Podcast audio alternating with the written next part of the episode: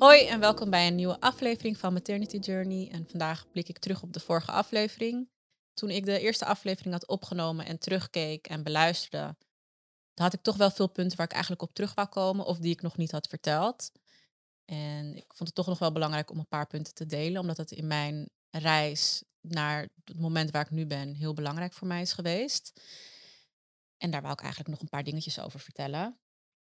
Ik wou eerst beginnen over de uitgerekende datum, hoe dat voor mij was.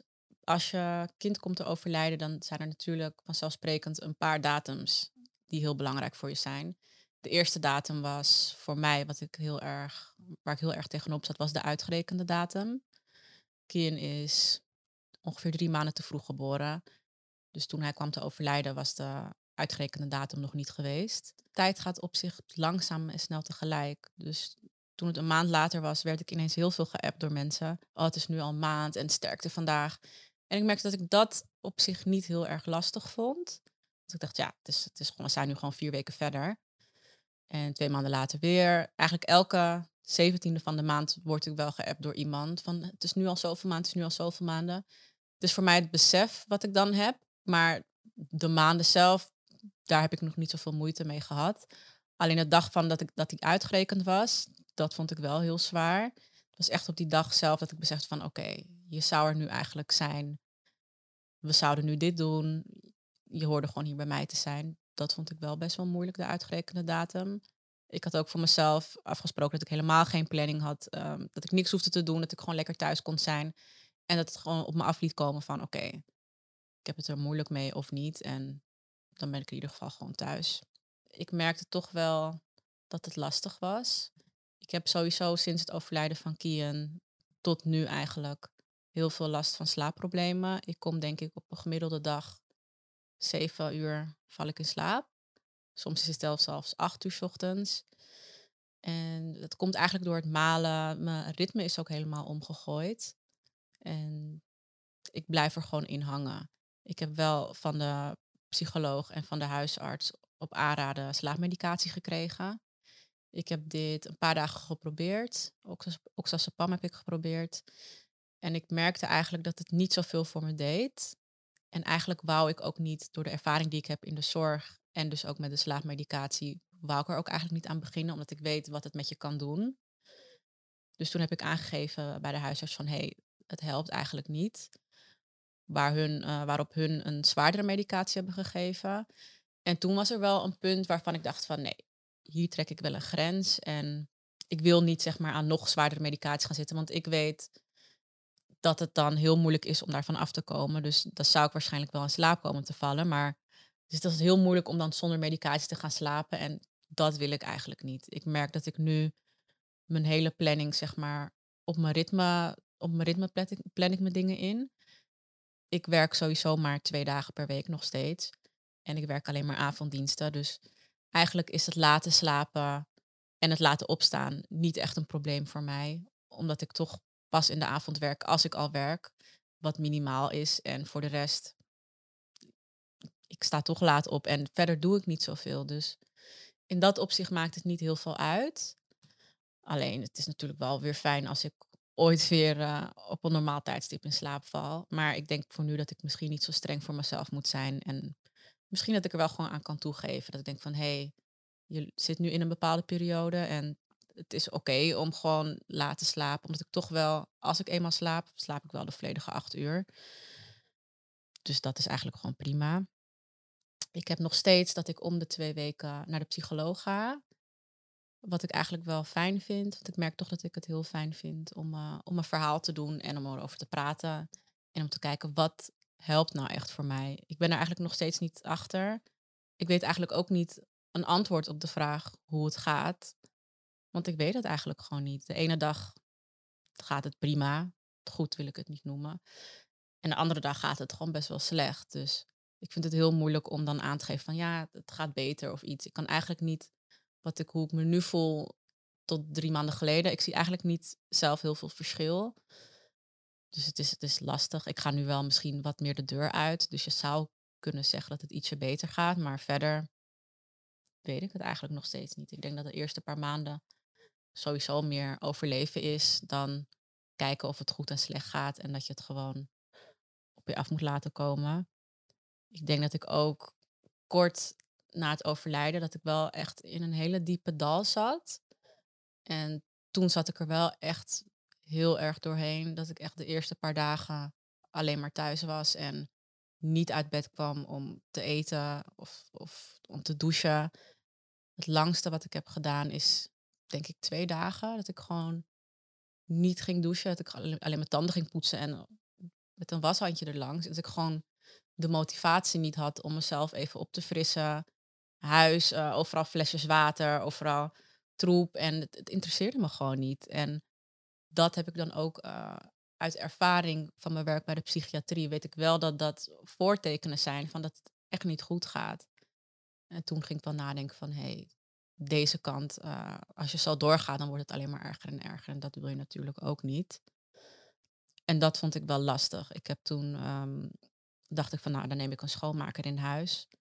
En mijn moeder had toen gewoon, dat, ik vertelde dat met mijn moeder. Zei ze van nee, dan kom ik gewoon twee keer per week, weet je, stofzuigen, dweilen, de was doen. En dat was wel heel fijn, want het klinkt heel gek. Ik ben best wel netjes van mezelf, maar ik had gewoon geen zin om, om te stofzuigen en te dweilen. En het interesseerde me gewoon niet als het heel vies was. En nu vind ik het nog steeds wel lastig om schoon te maken. Het is gewoon je er naartoe zetten, maar ik doe het dan wel. En ik merk dat ik daar wel gewoon mee struggle. Maar nu probeer ik mezelf gewoon een beetje te dwingen naar twee, twee vaste dagen in de week. En dan gaat het op zich wel. En ik denk ook toen Kian pas was overleden, dat ik dus net vertelde dat ik heel erg down was en in een diepe dal. Ik heb mezelf wel echt afgevraagd van, wat, wat is de zin nog van het leven, zeg maar. En ik vond het heel lastig, want ik dacht natuurlijk van, oké, mijn kind is overleden en ik ben hier. Dat is natuurlijk helemaal niet natuurlijk en hoe het hoort. Een ouder hoort sowieso nooit zijn kind ehm, te begraven of afscheid te nemen. En er zijn echt dagen wat ik, dat ik dacht van, wat doe ik hier? Weet je, mijn kind is daar. Ik weet niet waar hij is. Ik weet niet of hij goed is aangekomen. En ik ben hier zonder mijn kind. Ik moet bij hem zijn. Ik moet weten of het goed met hem gaat. Ik moet voor hem zorgen. Hij is daar met weet ik veel wie, is hij goed aangekomen en hij is in het hiernamaals. En ik ben hier gewoon vrolijk en dat hoort niet. En ik voelde me toen zo schuldig. En ook als ik dan een, een dag had dat ik aan het lachen was, dan kon ik daarna gewoon huilen. Omdat ik dacht, oh, ik, ik, ik ben niet verdrietig en ik denk niet aan hem. En dan voelde ik me gewoon schuldig dat ik plezier had. Of als ik eventjes een halve dag dan, weet je, met vriendinnen was. Of dan niet, wel, wel aan hem dag, maar dat het niet voorop was. Dan voelde ik me ook zo schuldig. Soms nog steeds. Dan denk ik van, oh, straks denkt hij dat ik niet aan hem denk. Of dat ik geen verdriet heb. En dat zijn toch wel dingen die je met de tijd een beetje leert van oké, ik hoop echt dat je weet dat ik aan je denk. En soms zeg ik dat ook hardop als ik een kaarsje aansteek van hé, hey, ik denk wel echt aan je en ik hoop wel echt dat je weet dat je het belangrijkste voor mij bent. Wat mij ook heel veel steun geeft, is dat ik soms denk van hij wil mij niet zo zien. Hij wilt, als kind wil je nooit dat je moeder verdrietig is en dat je moeder heel erg aan het huilen is. Dus meestal als ik dan zo'n bui heb, dan denk ik weer aan hem. En denk van, oh, hij, hij ziet mij huilend en dat is ook niet leuk voor hem. Dus dan denk ik van, hey, man up. En dan denk ik gewoon van, nee, hij wil mij lachend zien. Dus weet je, dan veeg ik snel mijn tranen en dan probeer ik me er overheen te zetten. denk ik van, nee, hij wil mij zo vrolijk mogelijk zien. Dus eh, dan ga ik dat proberen te doen. Dus eigenlijk ook weer om hem en niet eens om mezelf. Maar dan probeer ik op die manier um, mijn verdriet een beetje te, te benadrukken. Wat ik ook heb gemerkt is dat ik het best wel fijn vind om er te zijn voor andere mensen. Ik heb, toen Kian is overleden, had ik een paar foto's gepost en had ik mijn verhaal gedaan op het internet. Dat is heel erg ontploft en het heeft heel veel reacties gehad.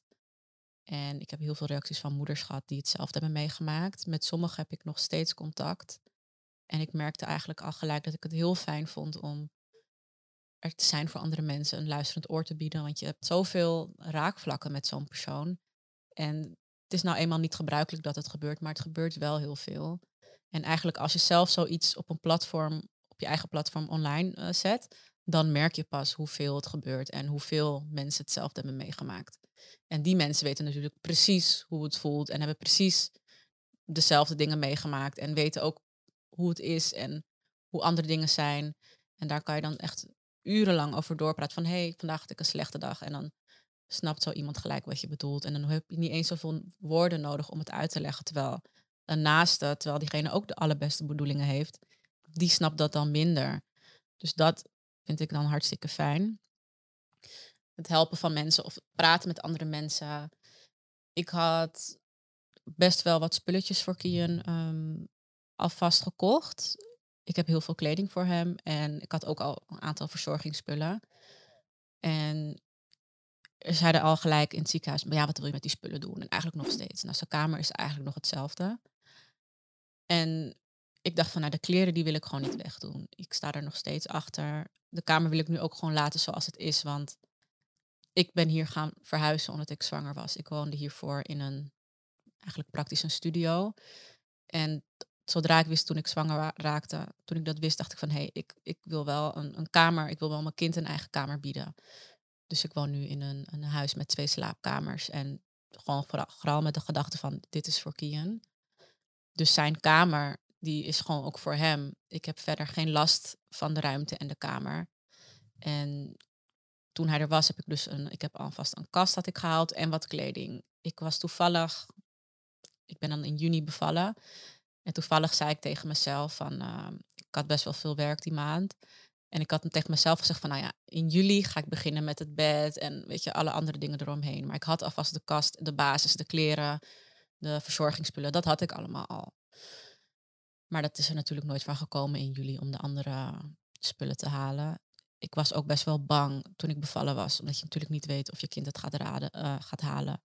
Ik had wel allemaal lijstjes, ik wist precies wat ik wil halen, maar je durft natuurlijk dan niet een, een, een badset of een kinderwagen aan te schaffen, omdat je natuurlijk niet weet of je het überhaupt wel haalt. Dus dat was spannend en eigenlijk wachten we op goed nieuws om dat te doen. En dat is er helaas nooit van gekomen. De verzorgingsspullen, ik had heel veel luiers. Ik denk een stuk of honderd, wel wat meer. En ik dacht van, ik wil dit aan iemand geven die het uh, wat minder heeft. Dus ik had een oproepje gedaan op Facebook. Uh, ik denk twee maanden na het overlijden. En had ik uh, bewust gevraagd naar mama's die het wat minder hebben en die of zwanger zijn of een pasgeboren baby hebben. En dan gaf ik aan dat ik um, graag iemand daarmee wil helpen en dat ik het dan zou opsturen op mijn kosten. Ik dacht, nee, ik wil dit geheel uit mezelf doen. Ik uh, zoek iemand die het wat minder heeft en dan doe ik dat gewoon. En reageerden heel veel mensen ook weer super lief en positief. En toen dacht ik van, dit doet mij goed. En van een vreemde om dat te horen, dat voelt zo fijn. Toen dacht ik van, oké, dit is wel echt... En ik doe het eigenlijk namens mij en Kian. En toen ben ik in contact geraakt met een stuk of vijf vrouwen, denk ik. En toen had ik um, de luiers opgestuurd. En bij sommigen had ik nog een speentje erbij gedaan of een setje billendoekjes. Ik dacht, nee, ik blijf wel dicht bij mezelf en ik geef wat ik wil geven. Want kleren zoals ik net al zei, dat vind ik gewoon, dat wil ik eigenlijk nog bewaren. Ik weet niet of ik ooit nog een kind mag krijgen. Maar dan zou ik het heel fijn vinden als mijn kind uh, kleertjes kan dragen van Kian. Dat zou ik gewoon heel mooi vinden. En misschien ook dat ik over een maand denk van nee, ik wil die kleren aan een goed doel geven. Dat kan natuurlijk ook. Maar voor nu sta ik er zo in. Dus toen heb ik die luiers opgestuurd en uh, die dames waren er allemaal heel blij mee. En dat voelde voor mij echt heel fijn om te doen ook achteraf, weet je, dat ze zeiden nou echt, echt super bedankt. En ik dacht van ja, eigenlijk wil ik gewoon iets meer doen dan helpen. Ik wil er los van mijn eigen verdriet, wil ik er ook zijn voor anderen. En ik merk toch dat dat helpt voor mijn rouwproces. Dus dat vind ik hartstikke fijn om te doen. Ik denk ook dat ik sinds het overlijden van Kian heel anders in het leven sta. Vroeger vond ik echt materiaal heel belangrijk. Nu totaal niet. En ik weet eigenlijk niet of dat door de rouw is dat ik er zo in sta, dat het iets tijdelijks is. Of dat ik dan voor altijd zo ben veranderd. Maar ik merk dat ik gewoon bepaalde dingen helemaal niet belangrijk vind. Ik heb bijvoorbeeld. Ik wou altijd maar de duurste schoenen en de duurste tasjes. En ik zeg echt niet dat ik dat nooit meer zal kopen. Maar ik hecht er nu totaal geen waarde aan. Ik denk ook dat ik al mijn spullen zou inleveren. als dat voor Kien zijn belang zou zijn. En ik zou elk tasje of elke euro op mijn rekening zou ik sowieso weggeven als dat mij hem terug zou geven. En ook gewoon met mijn eigen spullen. Als iets van mijn stuk gaat of weg is. Het, het interesseert me gewoon niet. En ik weet niet of dat iets goeds is of iets slechts is. Maar ik kijk gewoon heel nuchter naar het leven. En het klinkt heel cliché. Maar gezondheid is echt gewoon het belangrijkste, belangrijkste wat er is. En dat merk je eigenlijk pas als je zoiets hebt meegemaakt. Of, althans, ik, dat ik dacht van oké, gezondheid is gewoon het belangrijkste wat er is. Zoals ik net al aangaf, heb ik best wel veel aandacht gekregen op social media toen ik mijn verhaal met Kian had gedaan. Of toen ik ging posten over zijn overlijden en alles eromheen. En er kwamen heel veel positieve en ondersteunende berichten uit. Ik denk dat ik wel rond de 200 van vreemden alleen al berichten heb gehad.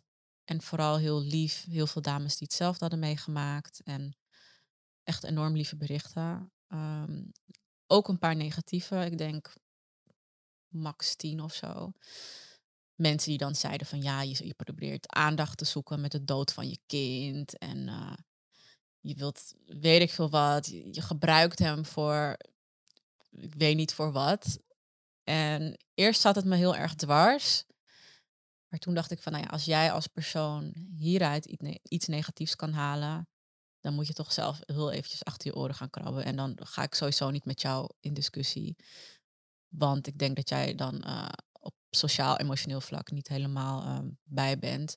Dus nu, ik, ik, denk niet echt aan negatieve comments. En ja, als jij die wilt plaatsen, dan is dat prima. Als jij uit zo'n mooi en puur iets, iets negatiefs ziet, ja, dan ligt het helemaal aan jou. En ik weet waarvoor ik het doe. En ik voel me er goed voor. Ik voel me er goed over. En ik doe alles voor mijn kind. Dus ik blijf dat ook gewoon doen zolang ik wil. En ja, als het negatief is, moet je gewoon niet kijken, denk ik. Maar gelukkig is dat, uh, valt dat wel reuze mee. Ik heb ook, wat me opviel na het overlijden, is dat er heel veel mensen willen weten wat er is gebeurd. Uit nieuwsgierigheid. Ook heel veel oude kennissen of vriendinnen met wie ik niet meer omga. Er werd ineens gebeld. Wat is er gebeurd? Ik denk van ja, hoezo? Het gaat toch om mij? Uh, waarom wil je dat weten? Maar gelukkig kan je daar heel snel doorheen prikken. Je ziet wel eigenlijk wie oprecht is en wie niet. Mensen die dan ineens aanbieden om op visite te komen of die langs willen komen. En dan hoor je gelijk van ja, maar wat is er dan gebeurd en hoe dan? En dat je denkt van nee, je wilt gewoon weten wat er aan de hand is en je bent gewoon nieuwsgierig en je hebt helemaal geen oprechte gevoelens met mij. Je wilt gewoon weten wat er aan de hand is. En gelukkig vallen die mensen heel erg door de mand. En ik heb ook eigenlijk niemand die niet dichtbij bij mij was, heb ik eigenlijk op bezoek laten komen. En zodra ik merkte dat iemand voor de nieuwsgierigheid contact opnam, gaf ik gewoon aan van, nou, ik heb geen zin om hierover te praten, sorry, misschien een andere keer. En gek genoeg blijven die mensen ook op afstand. Het is eigenlijk één keer dat ze het proberen. En daarna zullen ze ook niet vragen van, hey, gaat het wel of iets. Dus weet je, je laat jezelf gewoon kennen. En dat is prima, want ik hoef zulke mensen eigenlijk sowieso niet in mijn in mijn omgeving. Waar ik wel heel veel, um, wat ik net al zei, steun uithaal, is bijvoorbeeld uh, contact met lotgenoten. Ik zit ook op verschillende groepen op social media. En ik merk dat ik dat wel echt fijn vind. Er zijn echt speciale groepen gemaakt voor rouw. Dit is op Facebook. Op, um, er is een speciale app, een baby-app. Een forum heet dat, denk ik. En daar zijn echt groepen en er zitten alleen maar ouders in die hetzelfde hebben meegemaakt.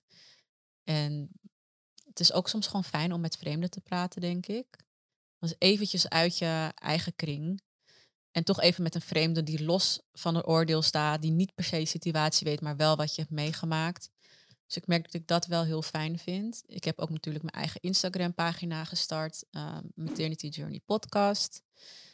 En toen ik die startte, maakte ik. Um, ik ging gelijk heel actief foto's plaatsen, stories en gewoon quotes waar ik doorheen ga. En bijvoorbeeld van, dit is wel handig, dit is niet voor mij persoonlijk. En ik merkte dat ik echt, dat er best wel veel um, aandacht voor was. Ik postte verschillende dingen op een dag en ik merkte ook ineens dat andere mensen het gingen reposten, dat mensen echt actief erop gingen reageren. dat mensen op mijn stories zeiden van... hé, hey, ik heb dit en dit gedaan. Dus ik had heel veel interactie met, ehm, met mijn followers. Ik had ook best wel... Het, het, ging maar door. Ik had in een paar dagen al meer dan uh, eh, 200 volgers. Ik dacht van oké, okay, wordt echt wel ehm, bekeken. En er is ook echt vraag naar. En ik vind het ook fijn dat dat los van mijn eigen pagina... dat ik dan mijn eigen groepje heb met mensen... die dan over het onderwerp kunnen plaatsen... Uh, die dan over het onderwerp kunnen praten. En ik vind het toch wel fijn dat dat er is. En ik kan daar ook gewoon constant uh, iets plaatsen over mijn gevoel of over het verlies. En dat staat dan los van mijn uh, persoonlijke pagina. Soms plaats ik daar ook wel weer wat. Maar ik heb dan nu mijn eigen Insta waar ik echt volop over het verlies en over het rouw en hoe verder praat. En ik merk dat dat toch wel fijn is. Ik heb een maand nadat Kian is overleden, ben ik gebeld door de gynaecoloog. Het ziekenhuis houdt eigenlijk altijd een nagesprek met je. Ik moet zeggen dat het contact na het overlijden best wel goed is. Ze bellen echt nog een paar keer met je om te vragen hoe het gaat, wat je nog nodig van hun hebt. Ze houden ook um, bijeenkomsten. Ik heb over twee weken nog een afspraak bij hun. Dus het is wel fijn. Je wordt niet in de steek gelaten van, oh, je kind leeft niet meer, het contact houdt op en uh, succes verder. Er wordt wel echt op je gelet, wat natuurlijk heel fijn is. Ik ben toen gebeld door de gynaecoloog om de bevalling nog een keer te bespreken. En de gynaecoloog vertelde mij dat, ik, uh, dat er wordt uitgegaan bij mij van een verkorte baarmoedermond. Dat kan je eigenlijk niet voorkomen als je dat niet weet. En hun gaven aan dat bij een volgende zwangerschap ik een operatie zou moeten ondergaan. En dat ik vanaf de 16 weken ook aan de medicatie zou moeten. En mocht ik nog een keer zwanger raken, dan zijn al mijn controles bij het ziekenhuis voor, altijd. Normaal, normaliter ga je dan naar een uh, verloskundige. Maar omdat ik nu medisch ben door een uh, vroeggeboorte, zou ik altijd naar het ziekenhuis moeten gaan. Ook al krijg ik nog drie andere kinderen, zou ik altijd naar het ziekenhuis moeten gaan. Ja, dan, dan is de lol er natuurlijk wel een beetje vanaf. Um, het is natuurlijk nu niet in mijn uh, situatie, want ik heb geen partner. Maar ik weet eerlijk gezegd niet of ik nog kinderen wil. Sowieso omdat het echt traumatiserend is om een kind te verliezen. Mijn bevalling was traumatiserend. En ik weet niet of ik het nog een keer. Um, ik denk niet dat ik nog een kind zou kunnen verliezen. De pijn, de angst en. Ik zou dat risico, vind ik ook zo groot. Ik weet nu dat het mis kan gaan. En aan de andere kant voel ik me soms ook schuldig naar Kian toe. Dat ik denk van, dat hij denkt van ja, was ik dan niet genoeg voor je? Dus ik wil niet eens aan andere kinderen denken, omdat ik dan dat eigenlijk een beetje zielig voor Kian vind. Want eh, hij is natuurlijk mijn zoon die er niet meer is. En om dan aan een ander levend kind te denken, dat, dat, vind ik gewoon heel lastig.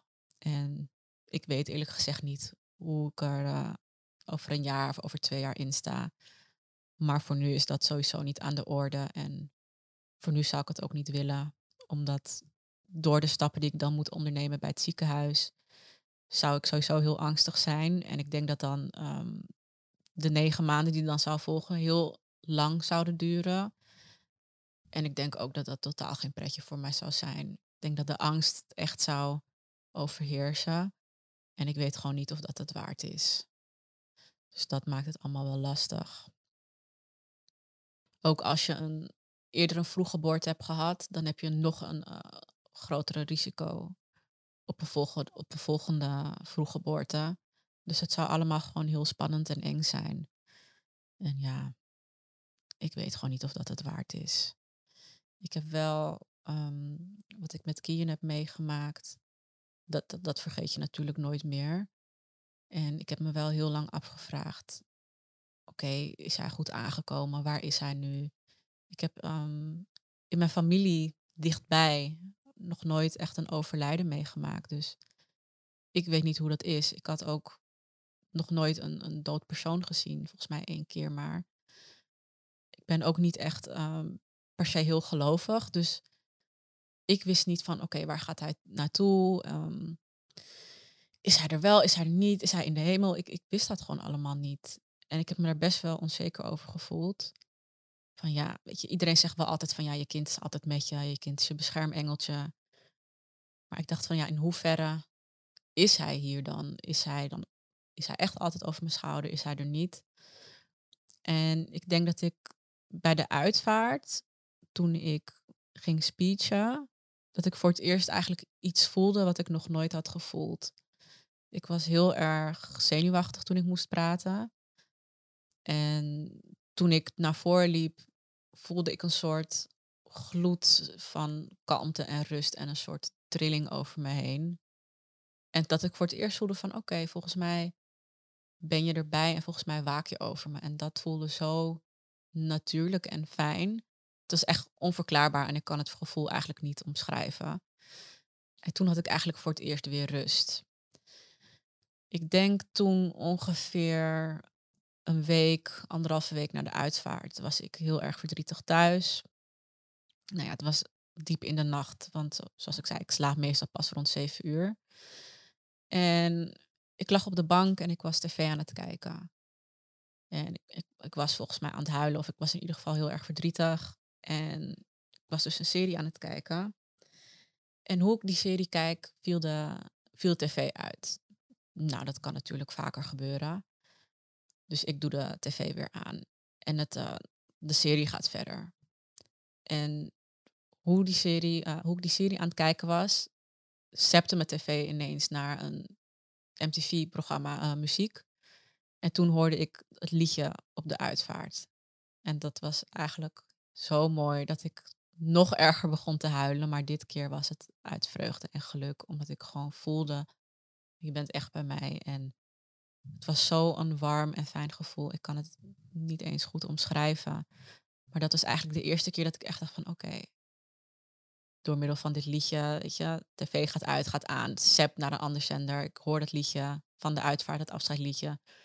Dat gaf mij zo een, een kalm en rustgevend gevoel. Dat ik eigenlijk dacht van oké, het geeft rust en het is goed zo. Je bent goed aangekomen, je bent goed geland en je geeft je tekentjes. Dus ik heb daar eigenlijk ook wel vrede mee. En eigenlijk steeds ik wil er eigenlijk niet te diep op ingaan, want sommige dingen dan denk ik, ja, dat is eigenlijk tussen mij en hem. Maar soms zijn er dan dagen en dan, dan mis ik hem heel erg. En dan gebeurt er iets en dat, wat gewoon onverklaarbaar is. En denk ik van, oké, ik ben alweer rustig, want jij wilt eventjes doorgeven dat je er bent en dat alles goed is. En dan komen we alweer op het einde van deze aflevering. Ik vond het toch fijn om nog een paar puntjes te belichten die ik heb meegemaakt, die belangrijk voor mij zijn wat ik uh, nog heb meegemaakt. En in de omschrijving staat e-mailadres. Mochten jullie vragen of opmerkingen hebben, ben ik daar altijd op te bereiken. Net zoals mijn Instagram. En dan zie ik jullie de volgende keer weer.